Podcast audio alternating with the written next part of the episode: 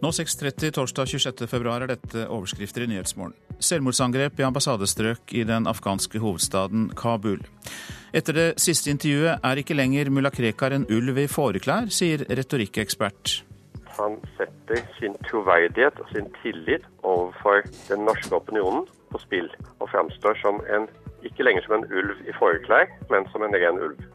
Professor i retorikk Johan Tønneson.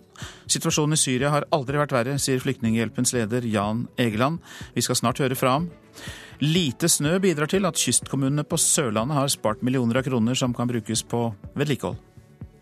Nei, De kommer til gode på, på sommervedlikehold, som eh, vi ikke får gjort hvis vi bruker for mye på brøyting. Så det blir grøfting, og det blir grusing, og det blir kantslått og, og asfalteringer.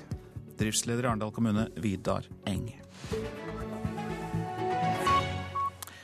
Her i studio i dag, Øystein Heggen. I ambassadestrøket i Afghanistans hovedstad Kabul har det vært et selvmordsangrep. Også den norske ambassaden ligger i dette strøket. Utenriksmedarbeider Kristin Solberg, hva er de siste informasjonene du har? Det som skjedde i morges, er at en selvmordsbomber krasjet en bil ladet med eksplosiver inn i et kjøretøy tilhørende den tyrkiske ambassaden. Eh, ifølge det afghanske innenriksdepartementet så ble én person og selvmordsbomberen selv drept i angrepet. Denne tyrkiske ambassaden ligger like ved den iranske og tyske ambassaden i det strengt bevoktede ambassadestrøket i eh, Afghanistans hovedstad. Og dette er andre gang på bare få måneder at eh, et kjøretøy tilhørende eh, den diplomatiske kretsen i Kabul er blitt rammet. I november så, var det et lignende angrep mot et, den britiske ambassaden i Kabul. Ja, Du har jo bodd i Kabul, så det høres ut på det du sier som at eh, det ikke er uvanlig med angrep i ambassadestrøkene? Det er ikke uvanlig med angrep noen steder, eh, verken i Kabul eller i andre byer og småbyer i Afghanistan. Eh, men når det skjer i ambassadestrøket, så får det naturlig nok mer oppmerksomhet. Men dette angrepet viser jo da at ingen steder, selv det strengt bevoktede ambassadestrøket, er trygge i Afghanistan i dag.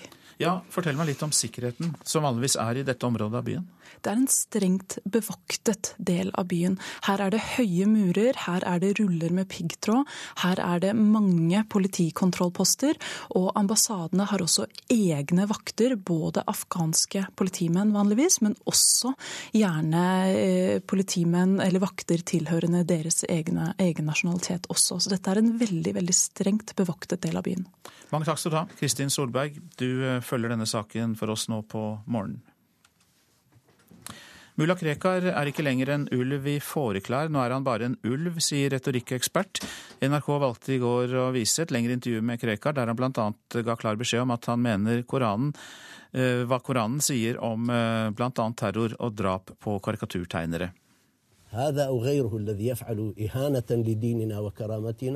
Den som fornærmer vår religion og vår ære, må forstå at dette er en konflikt på liv og død.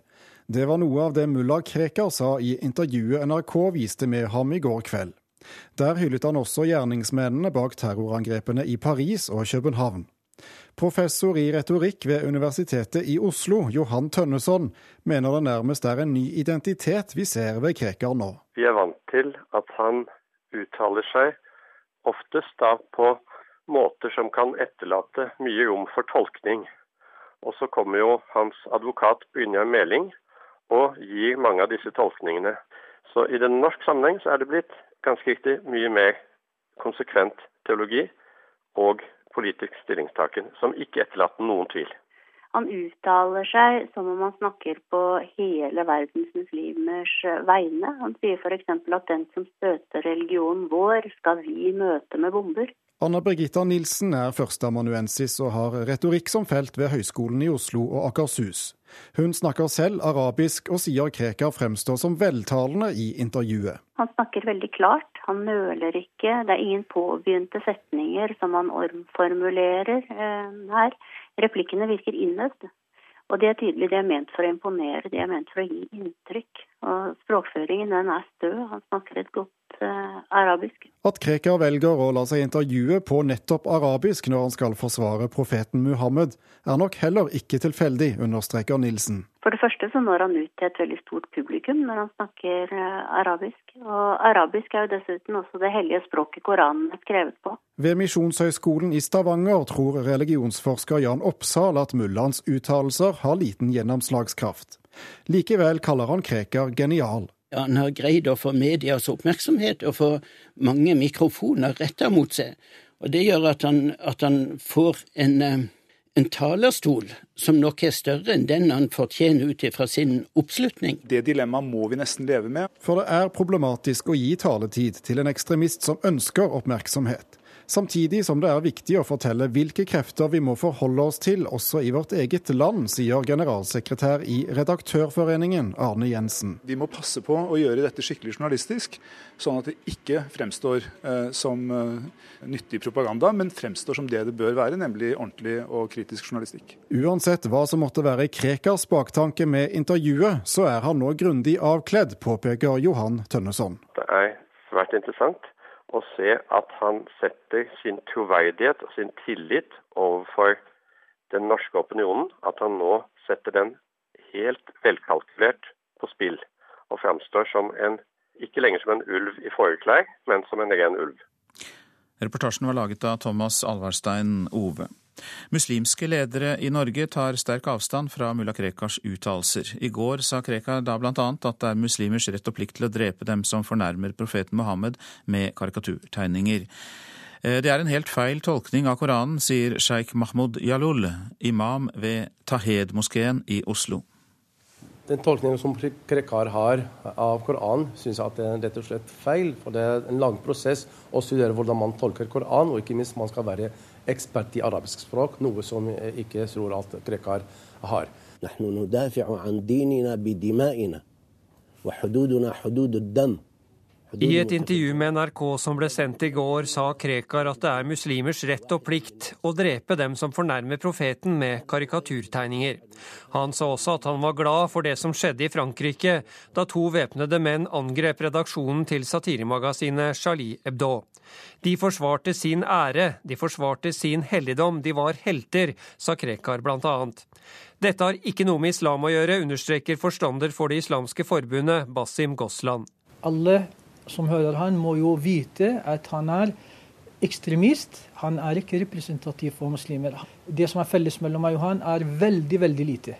Goslam er likevel litt redd for at enkelte skal la seg overbevise av Krekar og andre ekstremister. Man må frykte det, ja. Det, det, må vi. Men vi må samtidig gjøre vårt beste for at denne mentaliteten ikke skal spre seg, ikke skal eh, påvirke andre.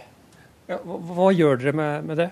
Vi sier imot, vi argumenterer imot. Vi uh, viser uh, med teologisk argumentasjon hvor feil denne mentaliteten er. Dette er katastrofal mentalitet, både blant muslimer og blant ikke-muslimer. Altså ekstremisme som ødelegger samfunnsfreden. Uh, det, er veldig farlig. Sheikh Mahmoud Jalul er også opptatt av den skaden Krekars uttalelser har på majoritetens syn på muslimer her i landet. Det gjør livet vårt eh, mer komplisert. Det skaper frykt hos nordmenn. Og mm, jeg syns at vi må jobbe intensivt for å ta vekk den redselen som Krekar og de andre prøver å skape her i landet. Ja, hvordan kan man gjøre det? Opprettholde dialog, bli kjent med hverandre, snakke mer åpent, ta opp saker. Mm, ha kontakt med hverandre mer enn det vi gjorde før. Vi trenger å være samlet mer enn alle tiders. Reporter her Tom eh, Ingebrigtsen. USA hevder å ha troverdig informasjon om et mulig terrorangrep mot et kjøpesenter i Jordans hovedstad Amman. Den amerikanske ambassaden i landet har videreformidlet advarselen til jordanske myndigheter. Det er ikke kjent når eller hvor det eventuelle angrepet vil eh, kunne skje, melder nyhetsbyrået AFP. Tre menn er pågrepet i New York i USA, mistenkt for å ha planlagt å slutte seg til terrorgruppen IS i Syria. De tre er nå bl.a. siktet for å ha gitt materiell støtte til terrorister. Mennene skal også ha diskutert å utføre et terrorangrep i USA, ifølge myndighetene. Disse mennene er i alderen 19 til 30 år og kommer opprinnelig fra Kasakhstan og Usbekistan. Mer om denne saken i Nyhetsmorgen etter klokka sju. Nå om syriske flyktninger. 7,6 millioner av dem er internt fordrevne i Syria minst, og fire millioner har flyktet fra landet. Nesten to millioner bor i Libanon. Generalsekretær i Flyktninghjelpen Jan Egeland har besøkt flyktningleirer i Libanon. Nå er han i Jordan, og han sa dette til meg like før sending. Ja, det er jo den verste forflytningen, tvangsforflytningen av mennesker siden eh, andre verdenskrig. Det er verre enn det var på Balkan eh, på 1990-tallet. Det er verre enn det var i og rundt eh, Rwanda, folkemordet på 1990 90-tallet. Så det er veldig gåtefullt at vi ikke har spesialsesjoner i parlamentene som det norske storting og sier her har vi da det største som skjer i vår generasjon med hensyn til eh, mulig tap av menneskeliv og helt sikker fordriving av mennesker. Du kalte det gåtefullt eh, at verdenssamfunnet ikke reagerer eh, mer enn det gjør, men eh, hva tror du likevel kan være forklaringen på at denne flyktningsituasjonen får utvikle seg i og rundt Syria uten at nok blir gjort? Jeg tror en, en av problemene er at altfor mange blir overveldet over omfanget. Altså 15-16 millioner mennesker i ytterste nød. Det er, det er over tre ganger Norges befolkning. Når du tror det har blitt så ille som det kan overhodet bli, så blir det bare mye, mye verre samtidig som utenverdenens innsats blir dårligere sett i forhold til hvor mange millioner som krever vår innsats. Så 2015 må bli helt annerledes. Eh, vi kan ikke holde på slik vi gjorde i 2014. Ga for lite hjelp, for sent og på for en dårlig måte. Ifølge Amnesty så har verdenssamfunnet sagt at eh, det skal bosette 80 000 flyktninger. Det er jo åpenbart eh, langt færre enn det trengs. Det er eh, ingenting, det. Jeg var i går i Bekardalen i Libanon. Det er en, en bitte liten, et bitte lite område. Det er en, en, liten flik av et norsk fylke. Der er det nesten en halv million flyktninger. De har fått reduserte rasjoner fordi giverlandene gir altfor dårlig. Eh, ingen land gir overhodet nok til nabolandene eller flyktningene der. I tillegg vet vi at det er enda verre inne i Syria. Og vi kommer til å be om en radikal opptrapping i 2015. Eh, giverlandene fra Norge i nord til Italia sør, eh, i Europa, USA og ikke, For ikke å snakke om Russland og Kina, som svikter totalt må respondere mer. Hvis ikke så vil mange flere dø i Middelhavet. Vi vil få ukontrollerte folkevandringer. Vi vil få en helt annen eh, rekruttering til ekstremisme. Ja, Det sa generalsekretær i Flyktninghjelpen, Jan Egeland. Forsvarsminister Ine Eriksen Søreide sier i et intervju med CNN at forholdet til Russland aldri vil bli det samme igjen. Vi står overfor et annerledes Russland, og det går ikke an å gå tilbake til en normalitet som ikke lenger fins. Det sa Søreide. Og hun sa også at Norge likevel kan samarbeide med Russland. Til tross for nye sikkerhetspolitiske kriser legger flere Nato-land fortsatt opp til kutt i forsvarsutgiftene i år.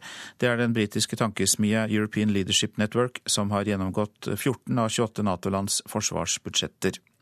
Alt ser ut til å være som før, sier en talsmann for denne tankesmia. Og det da til tross for at Natos generalsekretær Jens Stoltenberg har slått fast at kuttenes tid er forbi.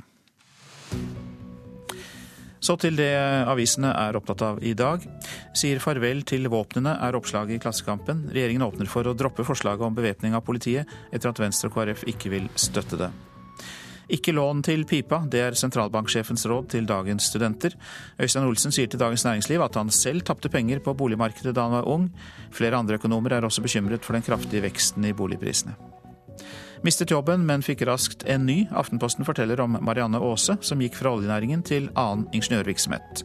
Over 10 000 oljejobber ble borte det siste året, men samlet sett er ledigheten likevel lavere enn for et år siden. Én av fem kjøpere har valgt elbil hittil i år, får vi vite i Nasjonen. Salget øker over hele landet, og Norge er på verdenstoppen i elbilsalg fortsatt. I politiet er det visst så menneskelig å feile at ingen stilles til ansvar. Ja, det sier kommentator i Bergens Tidende, Eirin Eikefjord.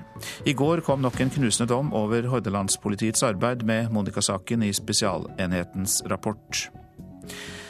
Bajas politikk er Jernbaneforbundets karakteristikk av regjeringen i Dagsavisen. LO-forbundet frykter jernbanereformen og anklager samferdselsministeren for mangel på dialog. Ketil Solvik-Olsen svarer at han ikke tror på konkurranse som skal ta lønna og pensjonene fra folk, men et bedre system der folk får mer interessante oppgaver. Støtten til tros- og livssynssamfunn utfordres når noen tar snarveier til felleskassa, skriver Vårt Lands kommentator Trygve V. Jorheim. Nå er Oslo katolske bispedømme anmeldt for millionsvindel etter medlemsrot. Bruker 25 millioner kroner i uken. Bergensavisen skriver om gigantprosjektet som forlenger Bybanen til Flesland flyplass. Nå jobber 600 personer fra 20 forskjellige nasjoner for å få banen ferdig til sensommeren 2016. Christian Hall var deprimert i ti år, men ble frisk uten medisiner. Det kan vi lese i VG. Terapi ble til slutt løsningen, og Halls råd til andre deprimerte er å ha på vekkerklokken, ta en dusj, spise regelmessig, gå en tur, gjøre noe altoppslukende og legge seg når man er trøtt.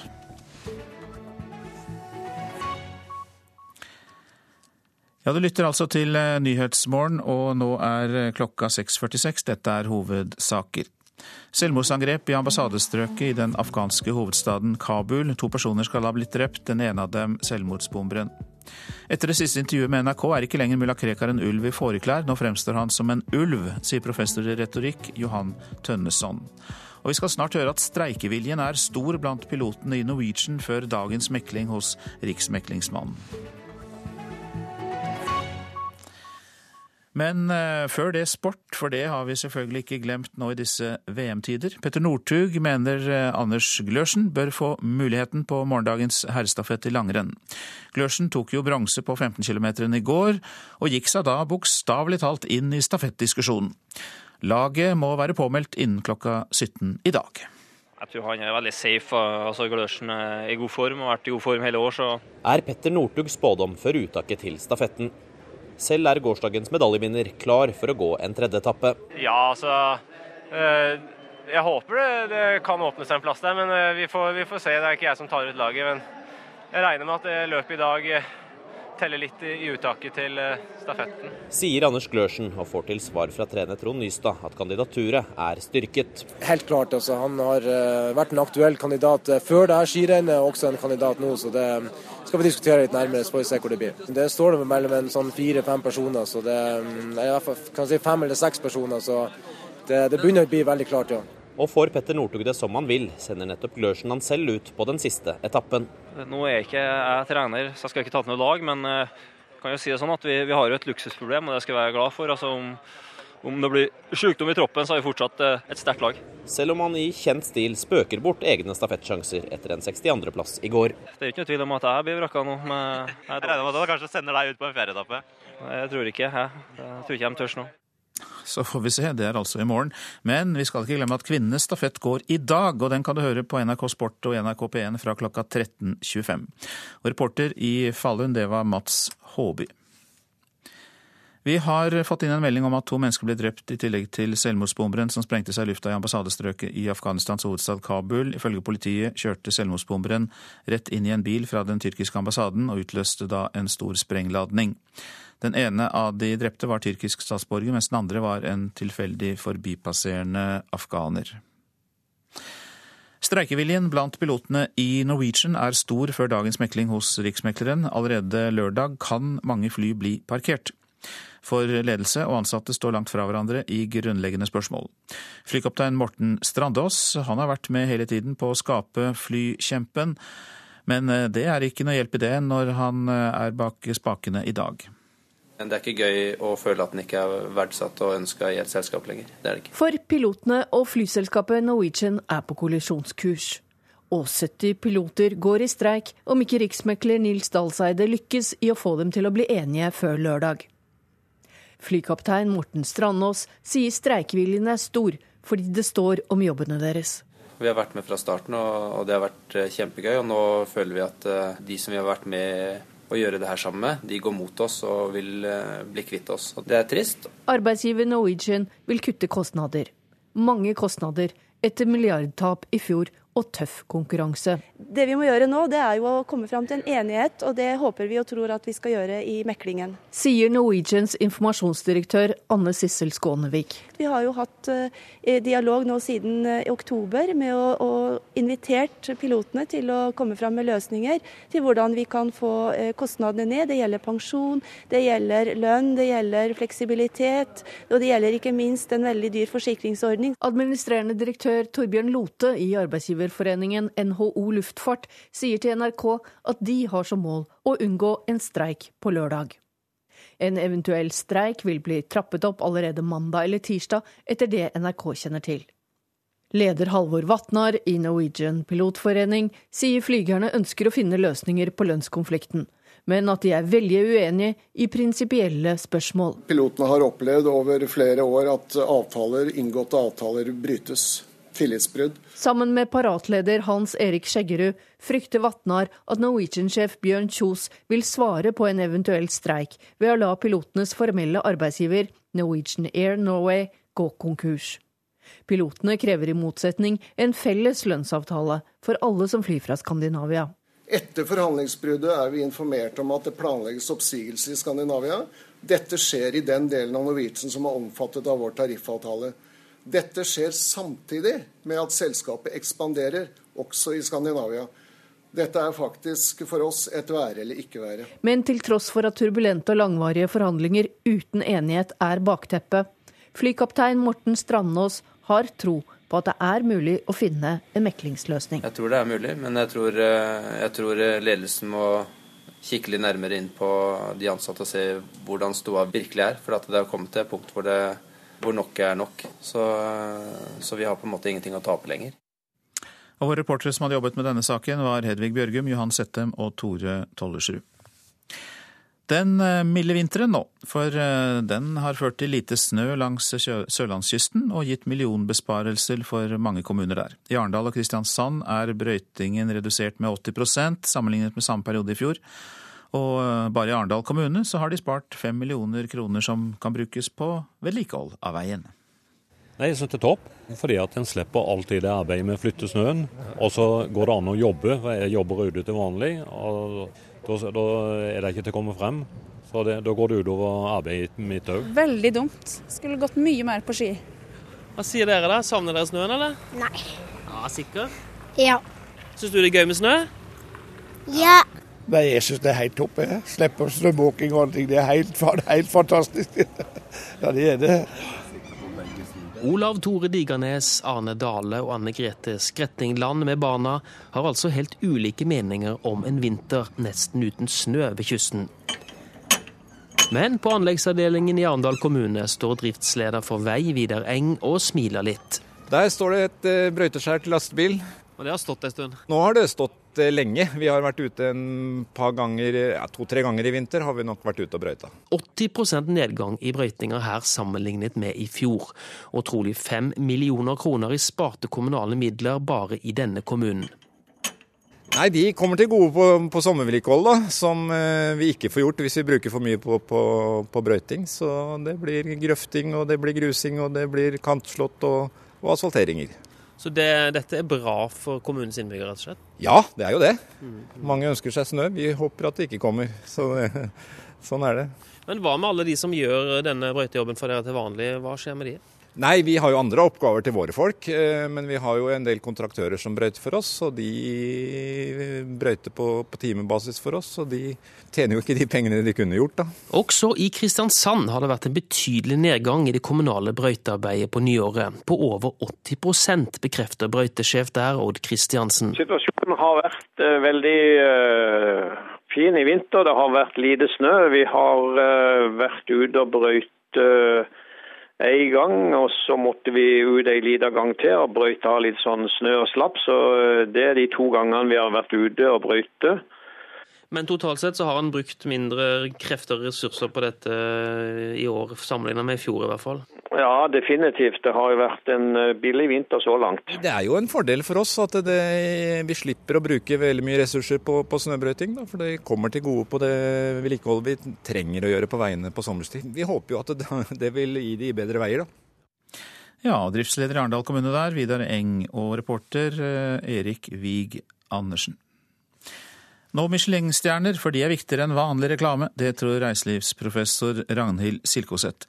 I dag kommer Michelin-guiden for første gang med en egen nordisk utgave. Og reiselivsprofessoren tror det ligger et uforløst potensial for reiselivsbransjen hos restauranter som har denne dyrebare stjernen. De siste forberedelsene gjøres til nok en kveld på en av Norges restauranter med en Michelin-stjerne. På restaurant Fauna i Oslo er det hektisk. Fauna er en av fire Michelin-restauranter i Norge, og alle befinner seg i Oslo. Sjefskokk Jo Bø Klakegg tror reiselivsbransjen har et uutnytta potensial her. Det er absolutt en ting kunne, man kan satse på, vil jeg tro. Spesielt restauranter som Moemo og sånn, som var veldig mye utenlandsk presse. og som man kunne som er mulighet for å liksom kanskje fronte mer. Da. Og gjennom det så fronter man liksom norske råvarer og norske produkter. Og, for det er jo de restaurantene som jeg fronter jo de produ norske produktene best. da. Reiselivsprofessor ved Handelshøyskolen BI, Ragnhild Silkoseth, er enig med Klakegg. Hun tror reiselivsbransjen har en vei å gå for å bruke Michelin-stjerna for det den er verdt. Den har en kjempestor verdi i markedet som markedsføring for alle kunder og gjester. Det som er spesielt med sånne stjerner og sånn type informasjon, er at før du går på en restaurant, så kan du ikke vite om kvaliteten på maten er god før etter at du har spist den. Så enten må du da ha personlig erfaring, eller noen venner som har vært der og spist, eller kjente. Eller da sånn som eksterne aktører, som er da veldig viktig signal på kvalitet. Så markedsføringsmessig er det mye viktigere enn en reklame eller en annonse. Reiselivsdirektør i Innovasjon Norge, Per Arne Tuftin, ser verdien av Michelin-stjernene, men tror ikke disse restaurantene er det viktigste for norsk reiseliv. Michelin-guide-restaurantene er veldig bra. Selvfølgelig. Eh, men det som også er viktig for oss, eh, viktig for norsk reiselivsnæring, eh, det er jo også da å kunne vise til mangfoldet ved hva som nå skjer innenfor norsk reiseliv og innenfor norsk mat. Én ting er at vi har da Michelin-guide-restauranter, men at vi også har et veldig godt utbygd nettverk etter hvert av gode restauranter over hele landet. Reportere her Runa Rød og Espen Alnes. Værvarselet. Fjell i Sør-Norge, kuling i høyfjellet, stedvis sterk kuling i vest og skyet vær. Etter hvert snø fra vest. Det blir lite nedbør lengst nord i fjellet. Østland og Telemark får stort sett oppholdsvær i dag, men lokal tåke. Fra i ettermiddag stiv kuling og litt regn, snø i høyden. Nedbør kommer først i vestlige områder. Agder sørlig liten kuling på kysten. Vest for Lindesnes stiv kuling, seinere også lenger østover. Det blir stort sett oppholdsvær i Agder. Fra i ettermiddag riktignok regn og snø i høyden, og mest nedbør i vestlige områder. Vestlandet sør for Stad. Øking til sør- og sørøstlig sterk kuling utsatte steder, og det blir liten storm nord for Stavanger. Full storm faktisk nord for Bergen. Men i ettermiddag minker vinden. Da blir det også regn og snø i høyden, og lokalt mye nedbør. Først til kvelden blir det lettere vær og sørvest bris, men eh, fortsatt liten kuling nord for Feie. Møre og Romsdal øking til sørøst sterk kuling utsatte steder. På kysten av Sunnmøre sørvest liten storm. Fra i ettermiddag stiv kuling. I kveld sørvest liten kuling langs hele kysten av Møre og Romsdal. Og det blir regn, snø i høyden, lite eller ingen nedbør på Nordmøre. Trøndelag øking til sørøst sterk kuling og til dels liten storm utsatte steder. Oppholdsvær. Fra i ettermiddag kan det bli litt regn og snø i høyereliggende strøk. Nordland sørøstlig liten kuling. Fra i formiddag sterk kuling utsatte steder. Det blir tilskyende vær i Nordland, og fra seint i ettermiddag kan det bli litt regn og sludd. Snø i indre strøk. Troms gradvis øking til sørøstlig liten kuling utsatte steder. I kveld sterk kuling, til dels pent vær, og i kveld tilskyende fra sørvest.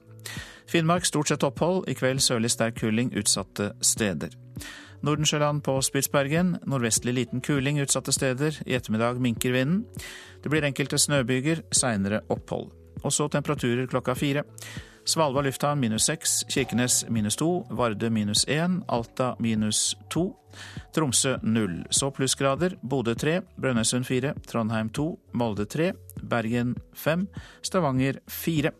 Kristiansand 0, Gardermoen 1 grad, Lillehammer minus 1, Røros minus 9 og Oslo-Blindern pluss 1.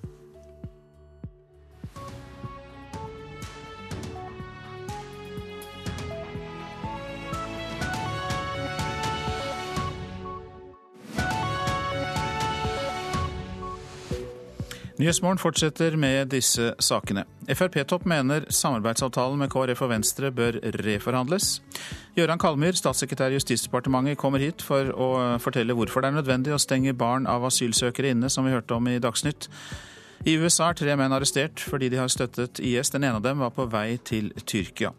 Og husker du Tsjernobyl-katastrofen? På Nord-Trøndelag Teater får publikum vite mer om hvordan menneskene tett på atomkraftverket reagerte på eksplosjonen og følgene av den.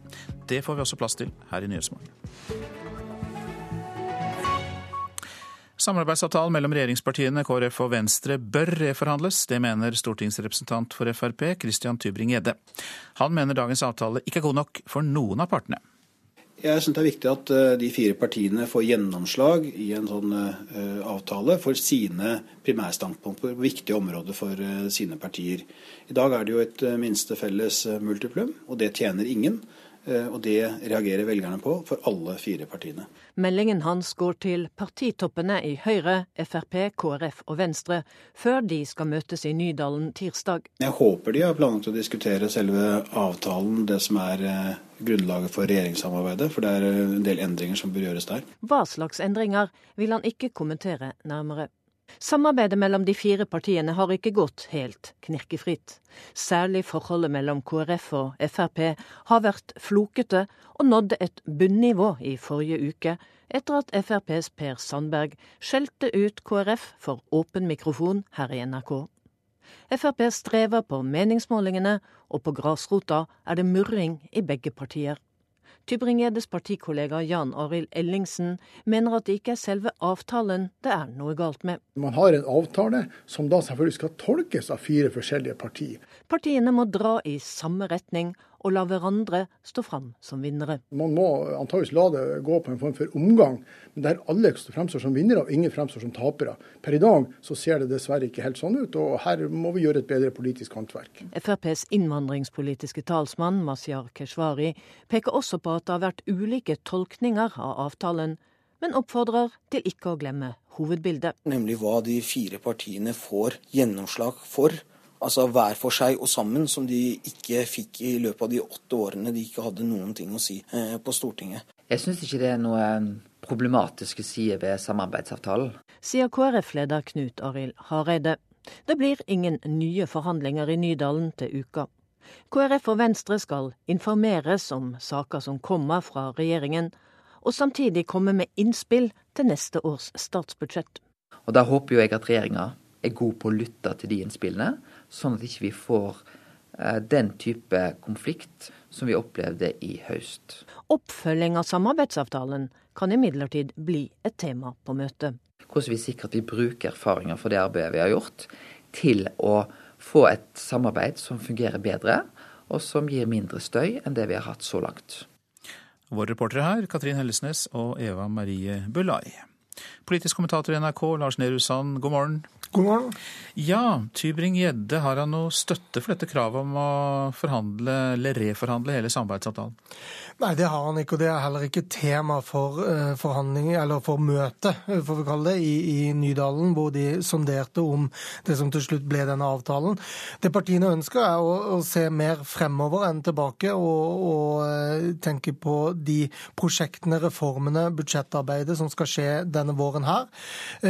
Og så er det ikke noe tema verken å reforhandle hele avtalen eller å komme med noe tillegg eller gjøre noe annet tekstarbeid, sånn som jeg har forstått det eh, per nå, i hvert fall. Men hva vil Tybring-Gjedde oppnå med dette utspillet da, tror du?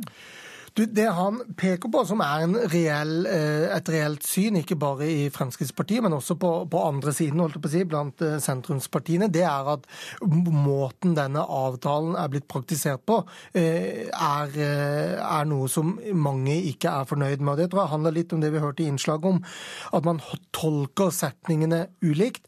Man vektlegger ulike deler, sånn at man leser høyt fra hvert sitt avsnitt, og så høres det ut som det er to forskjellige avtaler. Og at man må bli flinkere til å dra i samme retning. Og nettopp hvordan man skal gjøre det, er det man skal snakke om da i Nydalen på tirsdag, ikke reforhandle avtalen.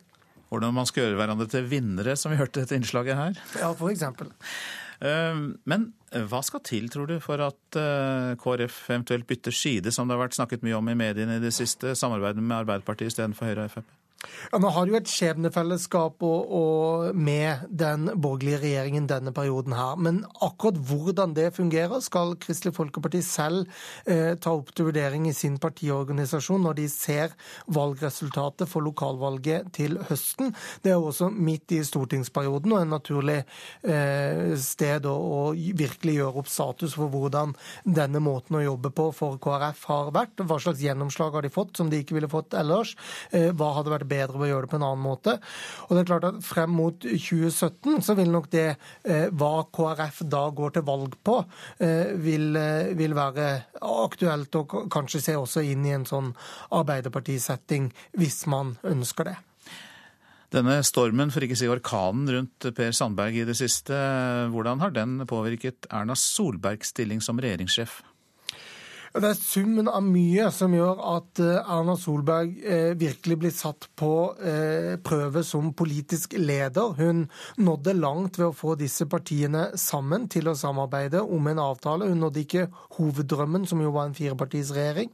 Men når det nå har knirket så mye så lenge, fra budsjettet i fjor høst via asylbarnsaken til da forrige uke, så er det viktig for henne nå at hun får samla troppene. minnet dem om hva de var enige om, hvorfor de er på, på samme lag, hvorfor de har det bedre nå enn under de rød-grønne. Og den jobben må hun virkelig ta på alvor eh, neste uke og på tirsdag i Nydalen.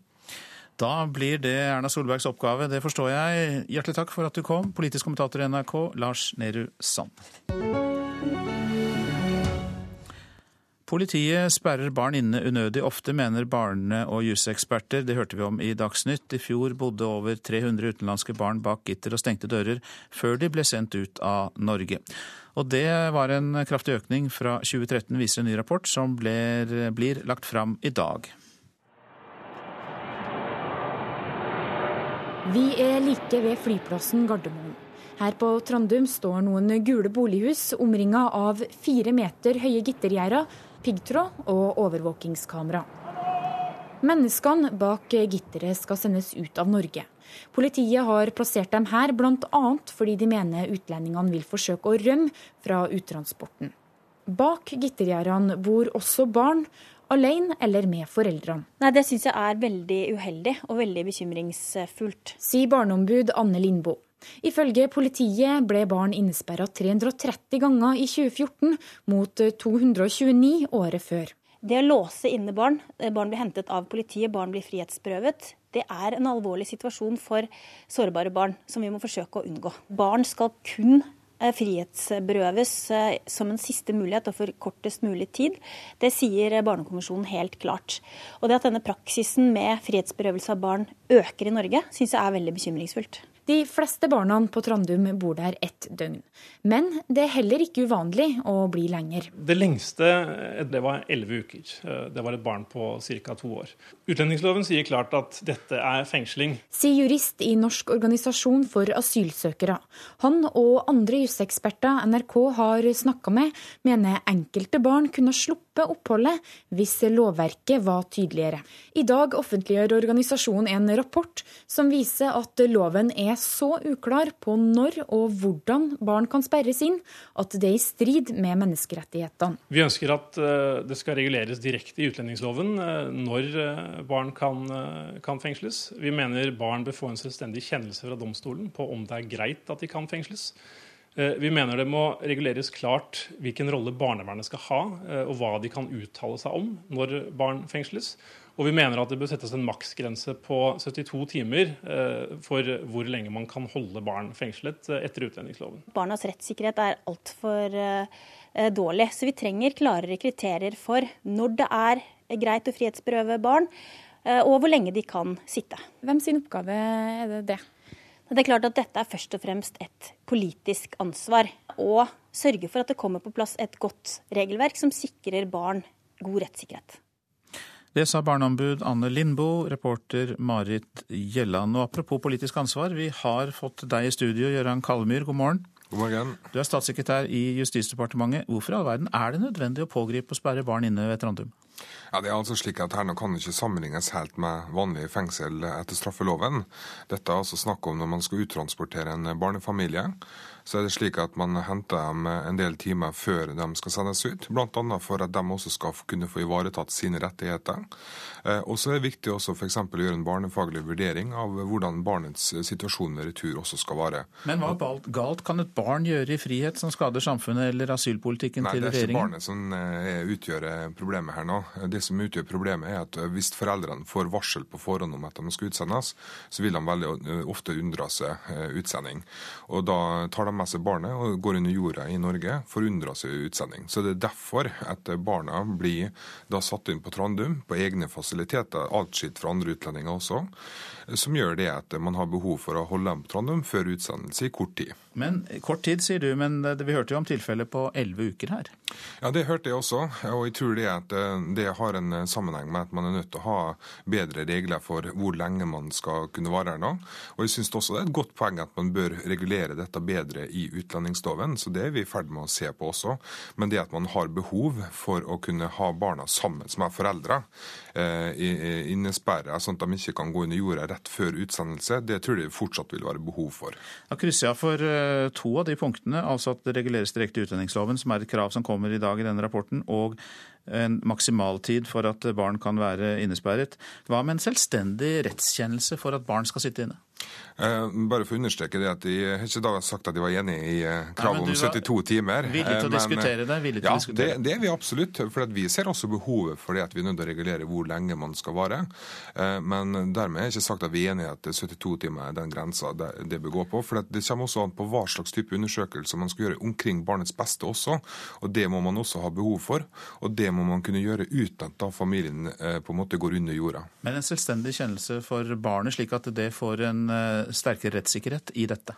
Det må vi også vurdere. Men så klart det at i og med at du vil få det i, hvis du får det lovregulert, så vil det være slik at da må jo en eventuell domstol ta selvstendig vurdering av akkurat om det vilkåret i loven er oppfylt. Så da vil man på en måte oppfylle akkurat det ønsket, også hvis man tar det inn i loven og regulerer dette spørsmålet. Nå hørte vi altså at antall barneinterneringer økte med 100 fra 2013 til 2014. Siv Jensen har jo sagt at avtalen med KrF og Venstre innebærer både en liberalisering og en innstramming av asylpolitikken. Er dette et eksempel på innstramming? Det er et eksempel på det at vi faktisk gjør det som Stortinget har villet at vi skulle gjort veldig lenge, nemlig å returnere utlendinger som har fått avslag på asylsøknaden. Vi skal huske på at veldig mange av disse barnefamiliene her nå, det er f.eks. barnefamilier som kommer fra Europa, som alle er enig i at det er åpenbart at de ikke skal ha asyl, for de har ikke en beskyttelsesgrunnlag. Og da er også alle enige at de skal uttransporteres så raskt som mulig etter at man har fått endelig avslag. Og denne regjeringa nå har endelig begynt å faktisk uttransportere dem som har fått endelig avslag. Det har de forrige regjeringene ikke prioritert i særlig høy grad. og Derfor har vi hatt veldig mange i Norge med endelig avslag og utreiseplikt som ikke har reist ut av landet. Men i andre europeiske land så har antallet barn som har blitt internert på denne måten gått ned, viser NOAS-rapporten som blir offentliggjort i dag. Hvorfor skjer det da ikke i Norge, når det skjer i andre land? Det er altså fordi at I Norge så har vi hatt et etterslep over lengre tid eh, som har vært nødvendig å gjøre noe med. For Det er ikke heldig at barn sitter på norske asylmottak med et endelig avslag og vet de skal ut på et eller annet tidspunkt. Men eh, det trenerer og det trenerer fordi at norske myndigheter ikke har vært villige til å uttransportere. Men det har denne regjeringa vært villig til. Eh, og Dette handler om rett og slett at vi skal gjøre det som Stortinget alltid har sagt, nemlig at vi må prøve å få dem ut så raskt som mulig etter endelig avslag. Og det har vi prioritert. Så langt takk til deg, Gøran Kallemyr, som er statssekretær i Justisdepartementet. Dette er Nyhetsmorgen, og klokka den er 7.17 der. Vi har disse hovedsakene. To mennesker ble drept i tillegg til selvmordsbomberen som sprengte seg i ambassadestrøket i Afghanistans hovedstad Kabul i dag. Ifølge politiet kjørte selvmordsbomberen inn i en bil fra den tyrkiske ambassaden. Det er frykt for terrorangrep mot kjøpesenter i Jordan, og situasjonen i Syria har aldri vært verre. Over 11 millioner på flukt, hørte vi Flyktninghjelpen sa tidligere i denne sendingen.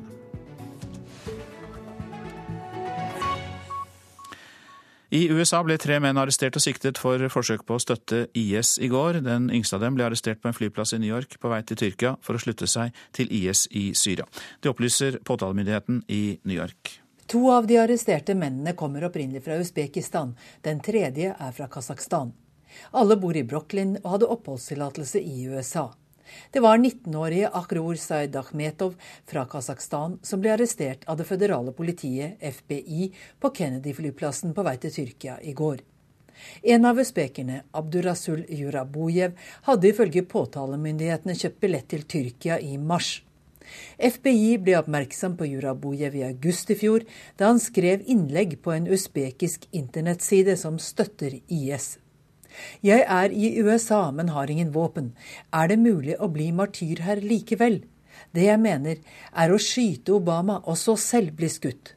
Holder det? skrev Jurabujev.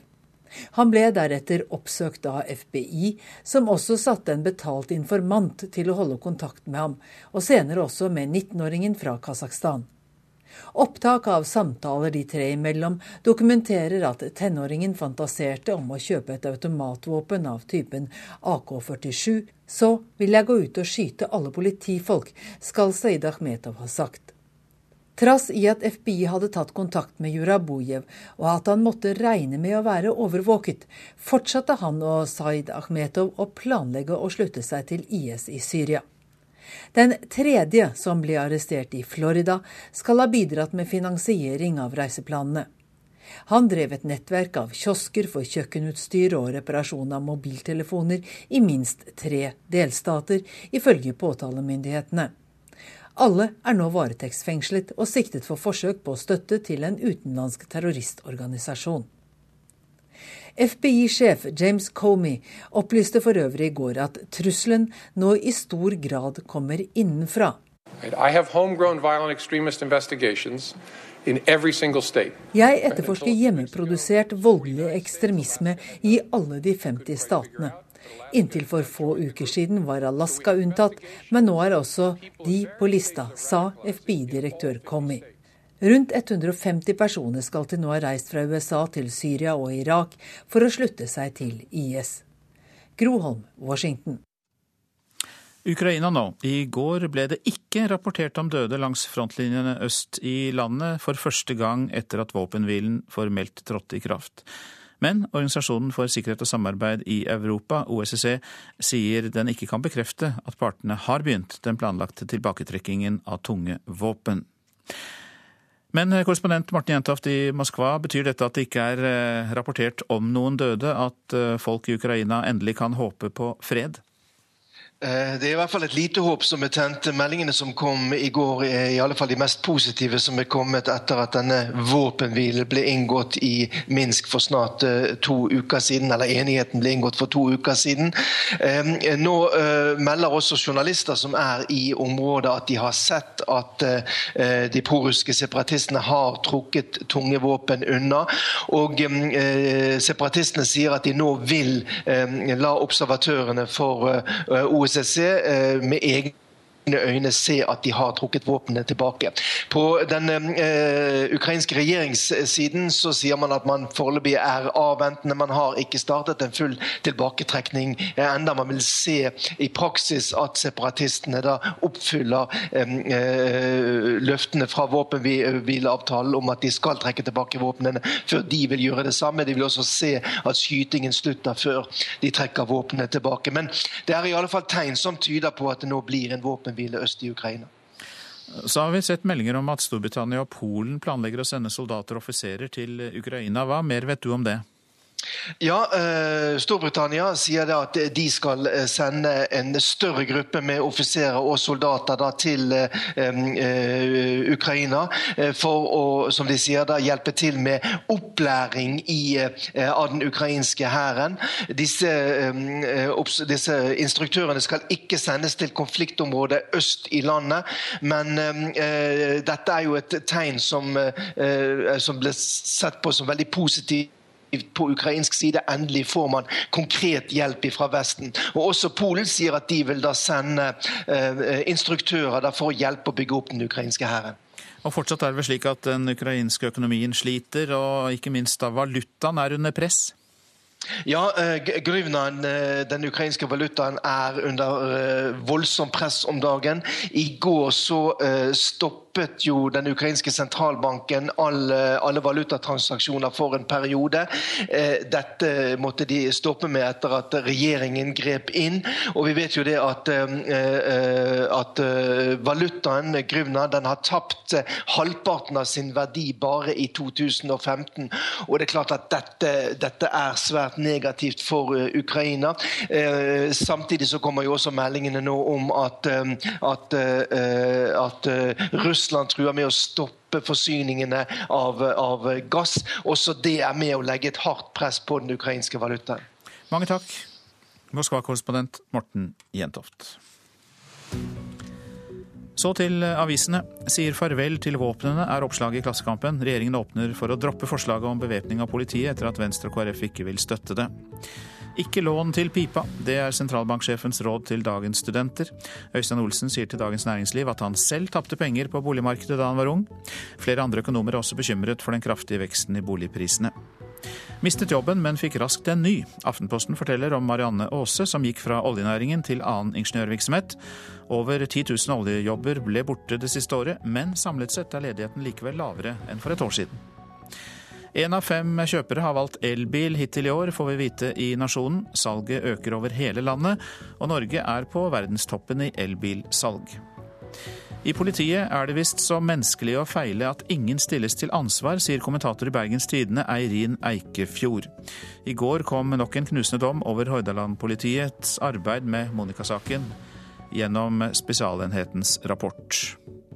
Bajas politikk er Jernbaneforbundets karakteristikk av regjeringen i Dagsavisen. LO-forbundet frykter jernbanereformen og anklager samferdselsministeren for å mangle dialog. Ketil Solvik-Olsen svarer at han ikke tror på konkurranse som skal ta lønna og pensjonene fra folk, men et bedre system der folk får mer interessante oppgaver. Støtten til tros- og livssynssamfunn utfordres når vi tar snarveier til felleskassa, skriver Vårt Lands kommentator Trygve V. Jorheim. Nå er Oslo katolske bispedømme anmeldt for millionsvindel etter medlemsrot. Bruker 25 millioner kroner i uken. Bergensavisen forteller om gigantprosjektet som skal forlenge Bybanen til Flesland flyplass. Nå jobber 600 personer fra 20 forskjellige nasjoner for å få banen ferdig til 2016. Hvordan håndterer menneskene tett på en atomkatastrofe sitt liv? Ja, Spørsmålet det stilles i eh, Nord-Trøndelag Teater. 26.4 i 1986 eksploderte jo den ene reaktoren i Tsjernobyl i eh, Ukraina. Og eh, det er bakgrunnen for Tsjernobyl-fortellinger som teatret satser på nå til våren. Jeg ser ikke føttene mine. Jeg ser bare en stor, ellipseformet mage. Jeg har kjent hendene bokse mot huden min i dagevis. Bokser og bokser sint. Eller prøver barna å fortelle meg noe. Jeg merker at noe er galt, unormalt med denne boksingen. Det trykker på, og jeg tenker ja, kanskje vi skulle ha ventet. Vi visste hva vi gjorde, hadde sett misdannelser. Jeg har hørt om unger som ble født uten hode. Det er like før premiere og turné på Tsjernobyl-fortellinger. 30 år etter den verste kjernekraftulykka i verden så langt går var det ett år siden vi skulle vært gift. Han var altfor syk til å kunne gjennomføre vielsen. Det var ikke han jeg ville gifte meg med heller. En forkullet stump. Ingen mann slik som han var, blond og vakker. Fortellingene er tatt fra Ingrid Storholmens kritikerroste bok om mennesker i Ukraina og Hviterussland som lever tett på konsekvensene åssen det føles. Jeg får fryktelig vondt av å tenke på så mange skjebner som var tatt av den Tsjernobyl-ulykka. Jeg får helt vondt av å tenke på hvordan det var den, det, det fangenskapen de måtte følt at de var i. Sier Hanne Brinker, en av skuespillerne på Nord-Trøndelag Teater i Verdal. Her hvor rein og sau ennå må fôres ned for å hindre for store konsentrasjoner av radioaktivitet. Ja, nå har jeg valgt å bruke både teksten som replikker og eh, som scener og som billedbruk da, sammen med video og de sceniske bildene jeg lager. Så noe av teksten har blitt til bilder også.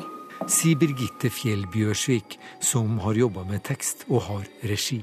Jeg syns at hun har klart å skildre de forskjellige menneskeskjebnene og ja, på en veldig, veldig fin måte. Da. Ganske vakkert, syns jeg. Sier Jørnbjørn Fuller Gi, som i likhet med de andre skuespillerne har mange roller.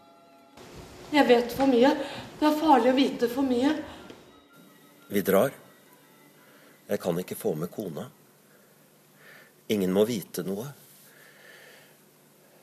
Jeg kan bli fengslet lenge. Jeg henter jentene på skolen. Alt går fint. På flyplassen sier de ikke noe. Ingen stopper oss. Ingen spør om noe som helst. Og jeg legger igjen en masse rubler på skranken. Jentene er glad for en overraskelsesferie, men usikre på hvorfor ikke mor kan vite noe. Flyet tar av. Jeg vet jeg aldri kommer tilbake. Og eh, denne reportasjen var eh, laget av eh, skal vi se her, eh, Det var Gisle Hass som fikk siste ordet i dette innslaget. Det skal vi si eh, aller først av innslaget, som var laget av Lars Erik Skjærseth. Og denne urpremieren er 4. mars i Steinkjer. Ja, du lytter til eh, Nyhetsmorgen. Eh, produsent i dag Tonje Grimstad. Her i studio Øystein Heggen. Og NRKs intervju med Krekar er tema for debatten i Politisk kvarter. Der møtes justisminister Anders Anundsen og Arbeiderpartiets Hadia Tajik.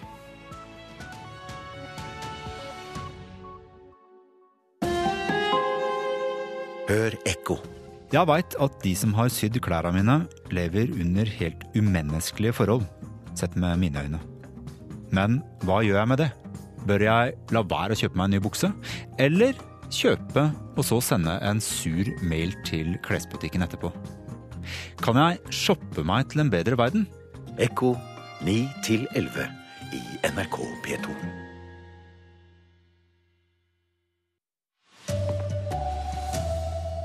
Barneombudet kritisk til at barn sperres inne før de sendes ut av landet. Frp-representant vil ha ny avtale med KrF og Venstre.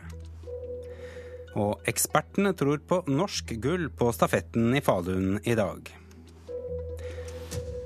Her er NRK Dagsnytt klokka 7.30. Unødvendig mange barn bor innesperret bak gitter og stengte dører i Norge, det mener barne- og juseksperter. I fjor ble over 300 utenlandske barn sperret inne før de ble sendt ut fra Norge. Det er 100 flere enn året før, viser en ny rapport som Norsk organisasjon for asylsøkere legger fram i dag. Vi er på utlendingsinternatet Trandum like ved flyplassen Gardermoen. Bak overvåkningskamera, et fire meter høyt gjerde og piggtråd bor utlendinger som skal sendes ut av Norge. Etter utlendingsloven er de fengsla. Bak gittergjerdet bor det også barn. Som oftest et døgn, men det er heller ikke uvanlig å bli lenger. Det lengste det var elleve uker. Det var et barn på ca. to år. Utlendingsloven sier klart at dette er fengsling. Sier André Møkkelgjerd i Norsk organisasjon for asylsøkere. I dag slipper de en rapport som viser at loven er så uklar på når og hvordan barn kan sperres inn på Trandum at det er i strid med menneskerettighetene. Vi ønsker at eh, det skal reguleres direkte i utlendingsloven eh, når eh, barn kan, kan, fengsles. Og vi mener at det bør settes en maksgrense på 72 timer for hvor lenge man kan holde barn fengslet etter utlendingsloven. Han mener unødvendig mange barn oppholder seg på Trandum. Barneombud Anne Lindboe er enig. Hun mener myndighetene må finne andre måter å holde barna under oppsyn på. Det å bli hentet av politiet, bedt om å pakke kofferten din, kjørt til et sted der du blir låst inne, eh, oppleves jo som veldig dramatisk for et barn som er i en allerede sårbar situasjon. Barn skal kun eh, frihetsberøves eh, som en siste mulighet og for kortest mulig tid. Det sier Barnekonvensjonen helt klart. Reporter her Marit Gjelland. 300 barn sperra inne i fjor. Hva gjør dere med det, Gøran Kalmyr? Du er statssekretær i Justisdepartementet. Jeg har lyst til å bare understreke at uh, de barna sammen med barnefamiliene blir altså henta til Trandum fordi at de skal uttransporteres kort tid etterpå. Og Da er det viktig at uh, man uh, også får gjort deres altså rettssikkerhet ved at de f.eks. får muligheten til å fremme en omgjøringsanmodning og slike ting. Men hvis man varsler dem på forhånd, så er erfaringen dessverre slik at de går under jorda, stikker av fra politiet. og Derfor er det nødvendig å hente dem til Trandum først. Så du deler ikke Barneombudets bekymring for at eh, barna blir eh, låst inne? Jeg syns det, det er viktig at vi får eh, kanskje en enda bedre regulering. Der skal jeg være enig med Barneombudet. Sånn at Vi vil også se på om vi skal regulere dette annerledes i utlendingsloven, slik at man får en bedre direkte lovregulering av barn sin plassering på Trandum. Hva gjør dere da? Nei, Da ser vi på f.eks. hva som skal til av vilkår for at barn skal da kunne bli plassert på Trandum. Takk skal du ha, Gøran Kalmyr, statssekretær i Justisdepartementet for Fremskrittspartiet. Mulla Krekar framstår som om han er en politisk leder og med sjeldent tydelige utspill. Det sier retorikkeksperter. NRK valgte i går kveld å vise et lengre intervju med mulla Krekar, der han bl.a. gir klar beskjed om hva han mener Koranen sier om bl.a. terror og drap på karikaturtegnere. Den som fornærmer vår religion og vår ære, må forstå at dette er en konflikt på liv og død. Det var noe av det mulla Krekar sa i intervjuet NRK viste med ham i går kveld. Professor i retorikk ved Universitetet i Oslo, Johan Tønneson, mener det nærmest er en ny identitet vi ser ved Krekar nå. Mye mer konsekvent teologi og politisk stillingstaken, som ikke etterlater noen tvil. Han uttaler seg som om han snakker på hele verdens muslimers vegne. Anna Birgitta Nilsen er førsteamanuensis og har retorikk som felt ved Høgskolen i Oslo og Akershus. Hun snakker selv arabisk og sier Krekar fremstår som veltalende i intervjuet. Han snakker veldig klart. Replikkene virker innøvd. Ved Misjonshøgskolen i Stavanger tror religionsforsker Jan Oppsal at mullaens uttalelser har liten gjennomslagskraft. Likevel kaller han Krekar genial. Han har greid å få medias oppmerksomhet og få mange mikrofoner retta mot seg. Og Det gjør at han, at han får en, eh, en, talerstol som nok er større enn den han fortjener ut ifra sin oppslutning. Reporter er Thomas Salvarstein Ove. Og muslimske ledere i Norge tar sterk avstand fra mulla Krekars uttalelser, og sier at det er muslimers rett og plikt å drepe dem som fornærmer profeten Mohammed med karikaturtegninger, har ingenting med islam å gjøre. Det sier forstander for Det islamske forbundet, Basim Gosland. Ekstremist han er ikke representativ for muslimer. Det som er felles mellom meg og han, er veldig, veldig lite. Goslam er likevel litt redd for at enkelte skal la seg overbevise av Krekar og andre ekstremister. Man må frykte det, ja. Det, det, må vi. Men vi må samtidig gjøre vårt beste for at denne mentaliteten ikke skal spre seg. Reporter her var Tom Ingebrigtsen. Samarbeidsavtalen mellom regjeringspartiene KrF og Venstre bør reforhandles. Det mener stortingsrepresentant for Frp Christian Tybring-Gjedde. Han mener dagens avtale ikke er god nok for noen av partiene. Jeg syns det er viktig at eh, de fire partiene får gjennomslag i en sånn uh, avtale for sine primærstandpunkt på viktige områder for uh, sine partier. I dag er det jo et minste felles multiplum, og det tjener ingen. Meldingen hans går til partitoppene i Høyre, Frp, KrF og Venstre, som skal møtes i Nydalen tirsdag. Jeg håper de har planlagt å diskutere selve avtalen, det som er eh, grunnlaget for regjeringssamarbeidet. For det er eh, en del endringer som bør gjøres der. Samarbeidet mellom de fire partiene, og særlig Frp og KrF, er langt fra knirkefritt. Tybring-Gjeddes partikollega Jan Arild Ellingsen mener at det ikke er selve avtalen det er noe galt med. Man har en avtale som da selvfølgelig skal tolkes av fire forskjellige partier. Partiene må trekke i samme retning, sier han. Det vi må bli bedre på, det er at vi må bli flinkere til å dyrke seirene våre, og så må vi eh, dra i samme retning. Nå har vi nok dratt litt både på kryss og på tvers.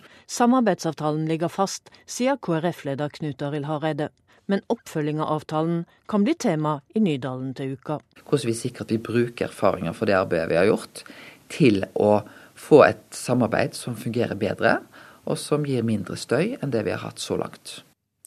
Reportere Katrin Hellesnes og Eva Marie Bulai. Hittil i år har hver femte kunde valgt elektrisk bil ved kjøp av ny bil. Det viser tall fra Opplysningskontoret for veitrafikken. Andelen på samme tid i fjor var hver åttende, skriver Nasjonen. Streikeviljen blant flygerne i Norwegian er stor før dagens mekling hos Riksmekleren. Allerede lørdag kan mange fly bli parkert, for ledelse og ansatte står langt fra hverandre i grunnleggende spørsmål. Flykaptein Morten Strandås har vært med på å skape flykjempen. Det hjelper ham ikke på jobb bak spakene i dag. Det er ikke gøy å føle at den ikke er verdsatt og ønska i et selskap lenger. Det er det ikke. For pilotene og flyselskapet Norwegian er på kollisjonskurs. Og 70 piloter går i streik om ikke riksmekler Nils Dalseide lykkes i å få dem til å bli enige før lørdag. Flykaptein Morten Strandås sier streikeviljen er stor fordi det står om jobbene deres. Vi har vært med fra starten, og det har vært eh, kjempegøy. Og nå føler vi at eh, de som vi har vært med å gjøre det her sammen med, de går mot oss og vil eh, bli kvitt oss. Og det er trist. Arbeidsgiver Norwegian vil kutte kostnader. Mange kostnader etter milliardtap i fjor og tøff konkurranse. Reportere Hedvig Bjørgum, Johan Settem og Tore Tollersrud. De norske langrennskvinnene kommer ikke til å være preget av smørebommen tidligere i VM når de i dag stiller til start på stafetten. NRKs langrennseksperter er sikre på at det blir norsk dominans i dag. Jeg tror ikke de eh, er spesielt preget av den eh, smørebommen. Jentene kommer til å bruke nedtur som en motivasjon for å eh, prestere. Det sier Carl Henning Gran og Morten Aa Djupvik, begge tidligere landslagstrenere i langrenn. Det ser nesten ut som de går på lim. Onsdag var en blytung dag for langrennskvinnene. Smørebom og stor skuffelse etter elendige resultater på 10 km i VM. Løpet totalt ødelagt, det er fiasko de luxe. Olympiatoppens mentale team ble satt i høyeste beredskap. Unødvendig, mener Gran og Djupvik. Marit og Therese har eh, gått så mange bra løp, de vet eh, sin egen kapasitet. Når du ser på hva de har prestert tidligere i vinter, så det er det og de tankene og følelsene de må liksom ta fram i nå. Det tror jeg jentene absolutt er i stand til å gjøre. Marit Bjørgen er enig. Vi må bare legge her bak oss og se fremover til torsdag og nullstille oss til det, og det tror jeg skal klare. Reporter her, Geir Elle, og du kan følge stafetten fra klokka 13.15 i NRK P1 og på NRK Sport på DAB. Ansvarlig for denne sendingen Anne Skårseth, teknisk ansvarlig Marianne Myrhol. I studio Arild Svalbjørg.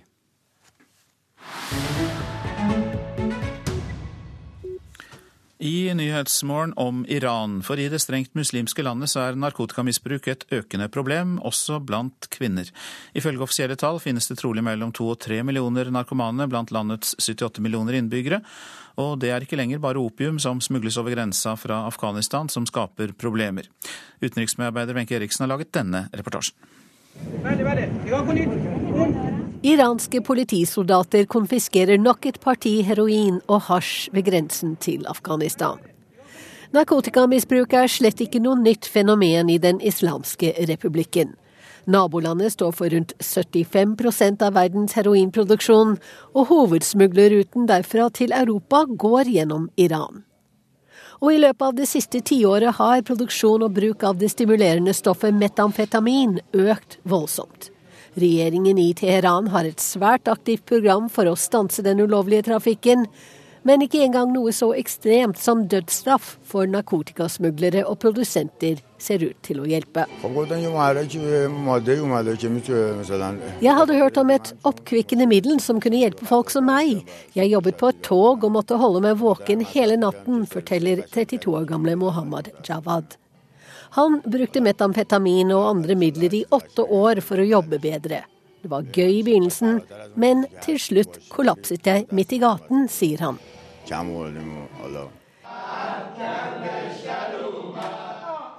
I dag er han pasient på et behandlingssenter utenfor Teheran i regi av en frivillig organisasjon som heter Rebirth Society, Gjenfødelsessamfunnet.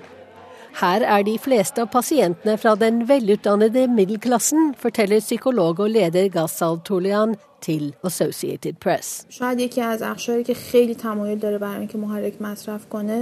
Studenter og de som pugger til universitetenes opptaksprøver, er en av gruppene i samfunnet som er mest tilbøyelig til å ty til stimulerende midler. De tror ikke de kan bli avhengig av dem, sier hun.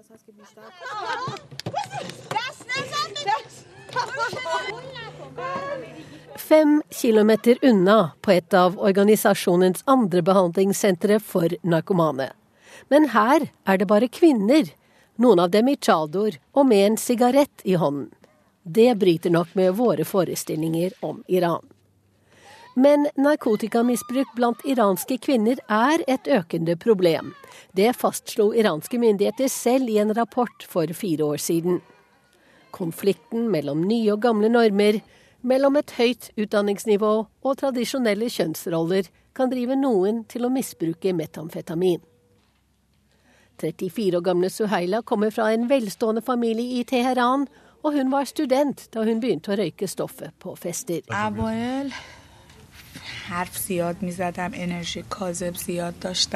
Da jeg begynte å bruke det, snakket jeg mye og ble fylt med en falsk energi.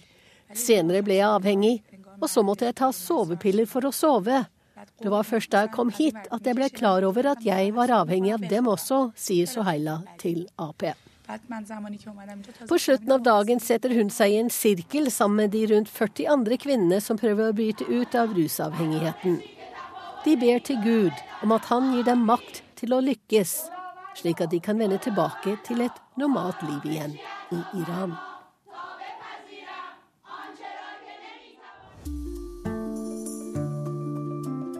I helgen holdt unge muslimer taler foran synagogen i Oslo i sympati med jødene. Hvor mye kraft fins det i en ungdomsbønn for fred? I Kulturhuset i dag klokken 13.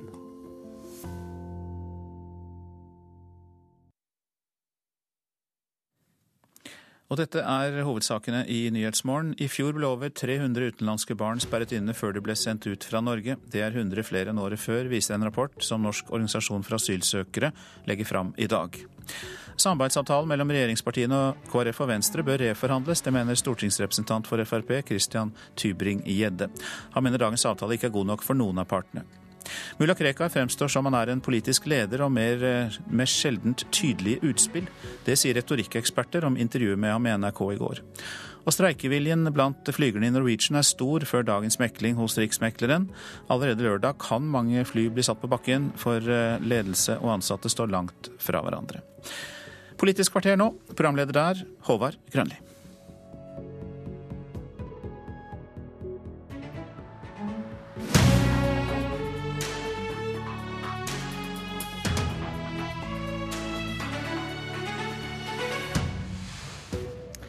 Er det Krekar kommer med ytringer og trosfridom, eller er det trusler som vi ikke kan akseptere? Og hvor lurt er det av Norge å leie fengselsplasser i Nederland? Politisk kvarter ønsker velkommen til justispolitisk toppmøte. Her i studio sitter Anders Anundsen og Hadia Tajik. Velkommen. Takk for det.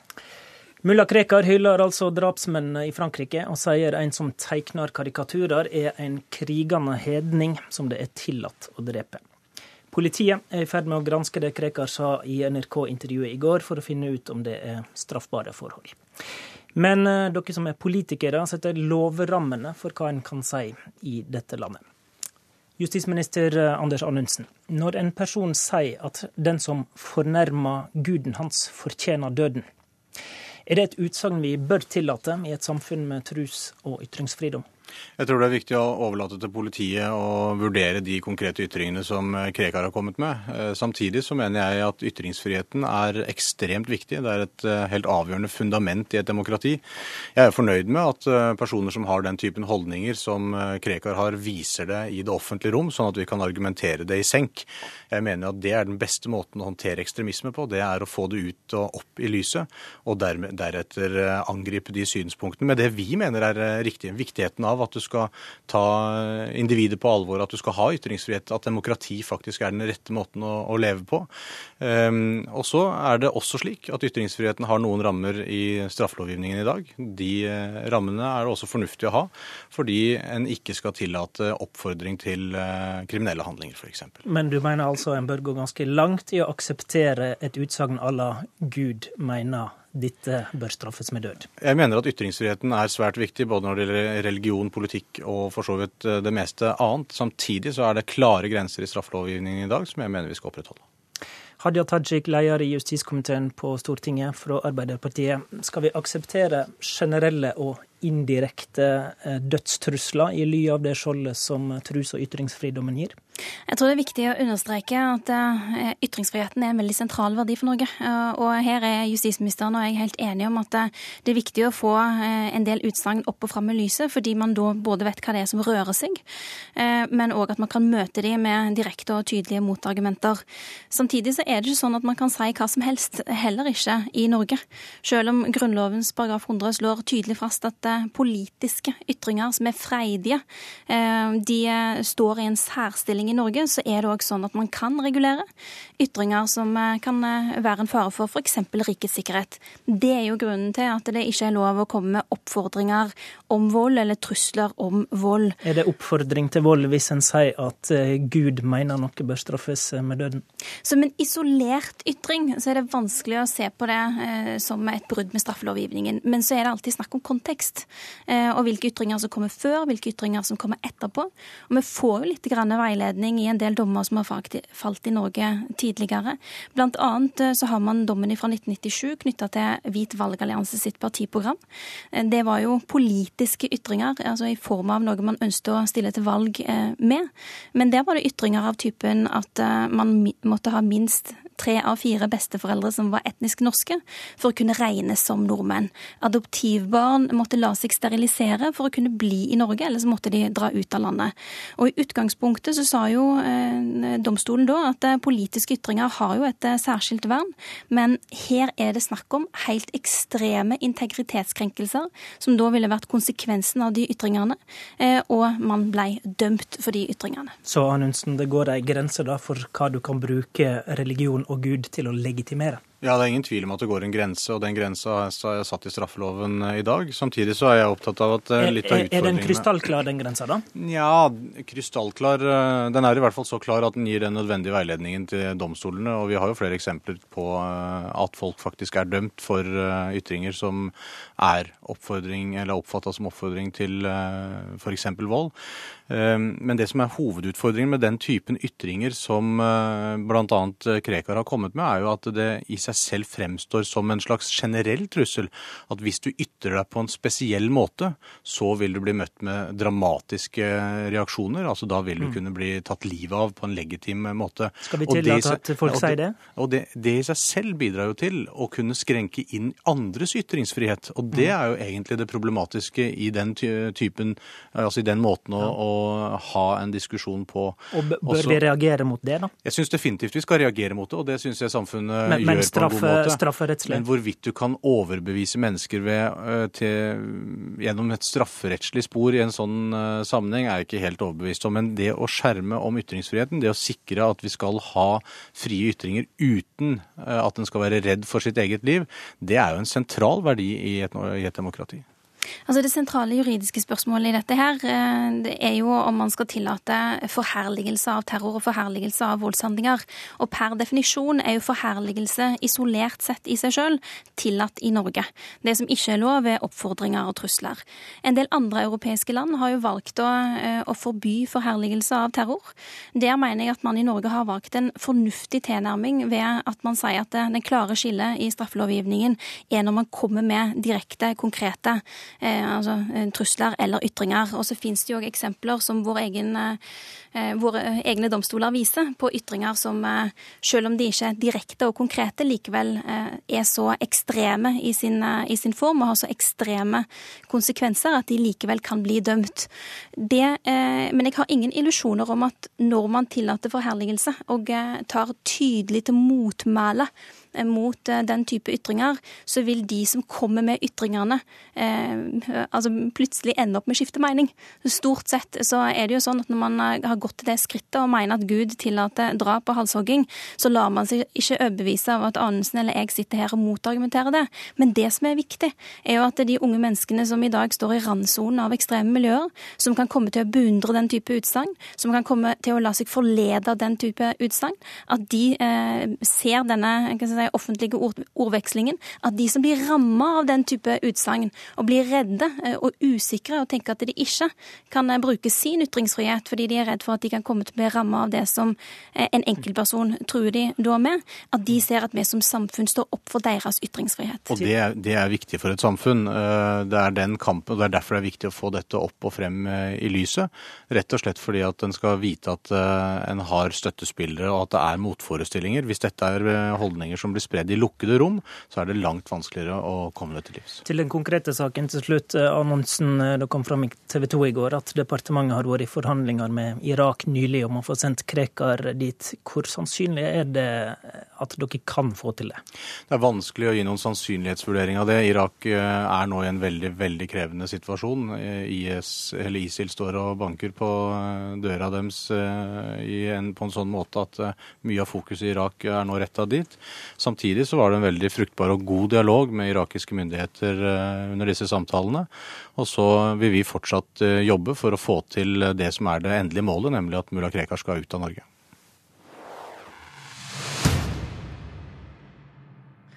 Vi holder fram med de eh, samme to i studio, men skifter tema.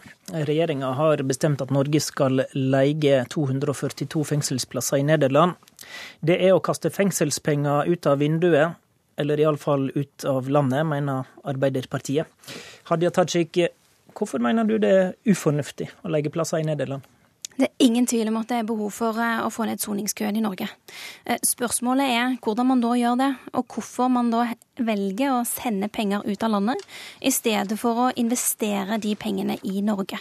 Vi vet jo ikke hva slags summer det vil være snakk om når eh, Anundsen ønsker å leie fengselsplasser i Nederland. Det, det vet han kanskje sjøl, men han har ikke fortalt det offentlig så langt. Vi kan, vi det... kan, vi kan jo spørre han. Hva koster dette, Anundsen? Ja, Vi skal legge frem en stortingsproposisjon om dette, hvor alle økonomiske og administrative konsekvenser vil bli lagt frem, og kostnaden per plass vil avhenge av hva slags type dommer som skal sones, korte eller lange osv. Men det vil det bli redegjort for grundig. Men jeg syns dette utspillet fra Arbeiderpartiet er ja, Det føyer seg egentlig inn i rekken av at man ikke tar kriminalomsorg på alvor. Eh, I den perioden med åtte år med Arbeiderpartiledet regjering, så ble det altså netto null nye lukkede fengselsplasser. Vi har en fengselskø i dag på rundt 1185 personer som står og venter.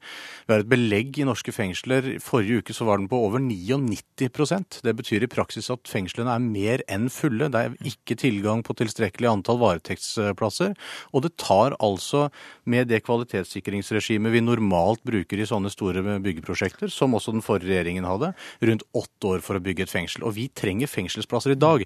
Så jeg kan godt tenke meg å utfordre Hadia Tajik på hvordan skal hun skaffe 242 konkrete lukka fengselsplasser i Norge i år? Jeg håper å si ikke noe problem. Men uh, først for å si uh, anklagen Da vil jeg gjerne ha løsningen. Ja, det skal du få. Men anklagen om at det ikke skjedde noe under forrige regjering, det er bare tull. Alle vet uh, at det har skjedd en hel del. Blant annet så etablerte man 750 nye soningsplasser under forrige regjering. Men det var snøen som falt i fjor. Hva er det man skal gjøre nå? 242 altså, nye plasser ja. var utfordringa fra justisministeren. Når Belgia leide fengselsplasser fra Nederland, så kosta de 320 millioner kroner i året å leie de fengselsplassene omsatt til eh, altså antall norske fengselsplasser man kunne fått for 320 millioner kroner, mm. så er det nesten 350 norske lukka fengselsplasser. Hvordan skal du få det opp å stå på nulltid, da? Det er allerede eh, altså plasser som man kan bygge innenfor eksisterende murer. Det er 30 plasser i Valdres, det er 100 i Skien, det er 100 i Halden, det er 50 i Åna fengsel. Det ville ikke tatt mer enn bare et par år å få dette her på plass. Og i stedet for å bruke sine to første år i regjering på å bygge disse fengselsplassene, så har da Anundsen prioritert å bruke de to årene på å forhandle med først Sverige og få nei, så med Nederland, og, og etter hvert få eh, antagelig på plass denne leieavtalen.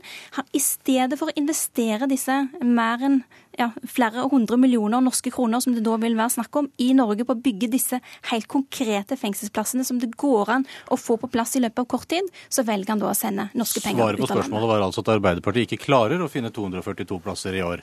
Hun, det, hun sier at du kan bruke pengene på å pusse opp og bygge ut innenfor det, eksisterende murer i Norge. Og det er helt riktig, for det gjør vi også. Det er derfor vi har en treledda plan. Vi gjør tre ting. For det første må vi løse den akutte krisa vi er i. Det har vi gjort gjennom å frigjøre 88 fengselsplasser i fjor. 41 nye bygges eh, i år. I tillegg til denne løsningen som vi nå håper å få til med Nederland, som gir 242 plasser. Kunne ikke dere klart mer enn 41 jo, da, med å bruke pengene hjemme? La meg ta de to andre også. Og så skal vi bygge eh, innenfor eksisterende murer. Der er noen av de alternativene allerede skissert opp. Det legges det også opp til i kriminalomsorgsmeldingen. Og så på litt lengre sikt så skal vi bygge nye fengsler. Så det er altså i stedet for å ha én tanke i hodet som Arbeiderpartiet har, så har vi tre. For vi må faktisk løse dagens problemer i dag, ikke mm. men, om to men, år. Et øyeblikk. Utfordringa fra henne er jo at du må jo, altså, du må jo prioritere pengesekken din. Når du bruker penger i Nederland, så kunne du jo brukt det til å få til flere plasser i Norge, da. Men det, hvis du skal bygge ut 242 eh, plasser i Norge, så vil det altså ta eh, lang tid. Og du skal i tillegg ha driftskostnadene. Og hvis du ser på mulighetene vi nå får med denne avtalen med Nederland, så løser vi begge de utfordringene på en utmerket måte på så kort tid som ingen andre tidligere har gjort. Og selv om Arbeiderpartiet skryter av at de bygde nye plasser, så la de også ned plasser. Og Det er derfor jeg sier at nettoveksten under Arbeiderpartiet var null. Nå må vi faktisk ta dette på alvor, fordi det er en flaskehals. Det ødelegger menneskers liv å stå lenge i fengselskø. Det er en stor utfordring for tryggheten til folk flest at ikke det er tilgang på varetektsplasser. Og vi trenger en løsning i år, ikke om ti år. Det er jo en planleggingshorisont her som også Arbeiderpartiet har ansvar for. Alle de fengselsplassene jeg trakk fram, er ferdig planlagt. Det er bare snakk om å legge pengene på bordet. Jeg er glad for at Anundsen klarer å ha to tanker i hodet samtidig, men det hjelper ikke det hvis man ikke faktisk handler. Og det, de, de, fengselsplassene som man kunne bygd i Norge innenfor eksisterende murer, 100 i Skien, 100 i Halden, 50 i Åna, det kunne han satt i gang med når han kom inn i regjering allerede da. Han kunne gjort det i det første eh, budsjettet sitt som han la fram i, i 2014 for 2015. Men det første han da valgte valgte å gjøre når han kom i regjering, det var å la være å frigjøre 80 plasser innenfor eh, ja, den, norske, den norske kriminalomsorgen, fordi han valgte å la være å innføre økt bruk av samfunnsstraff for de mildeste dommene, så man har tilgang på flere lukka plasser. Tajik svar tydelig på dette. Går Ap da inn for å droppe hele Nederland-avtalen? Vi har ikke tatt stilling til Nederland, for er ikke, faktaene er ikke på bordet. Hvor mye koster det, hvor er de praktiske konsekvensene? Men først og fremst så har vi ikke fått ordentlig svar på hvorfor han ikke bygger prosjekter synes, i Norge som er ferdig prosjektert. Hvorfor legger han ikke bare pengene på bordet for å gjøre det? Jeg syns det er veldig merkelig å høre justiskomiteens leder klare å, å lire av seg denne tiraden. Hun har altså ikke lagt frem én eneste krone på bordet for flere fengselsplasser enn det regjeringen har gjort i 2015. Ikke én av de plassene hun selv refererer til, har hun foreslått penger til. Og det, og det på tross av at de faktisk i sitt alternative budsjett hadde 8 milliarder mer å rutte med enn regjeringa. Og det viser feilprioritering fra Arbeiderpartiet. Siste ord i denne debatten gikk til Anders Anundsen. Takk også til Hadia Tajik. I studio, Håvard Grønli. Hør flere podkaster på nrk.no podkast.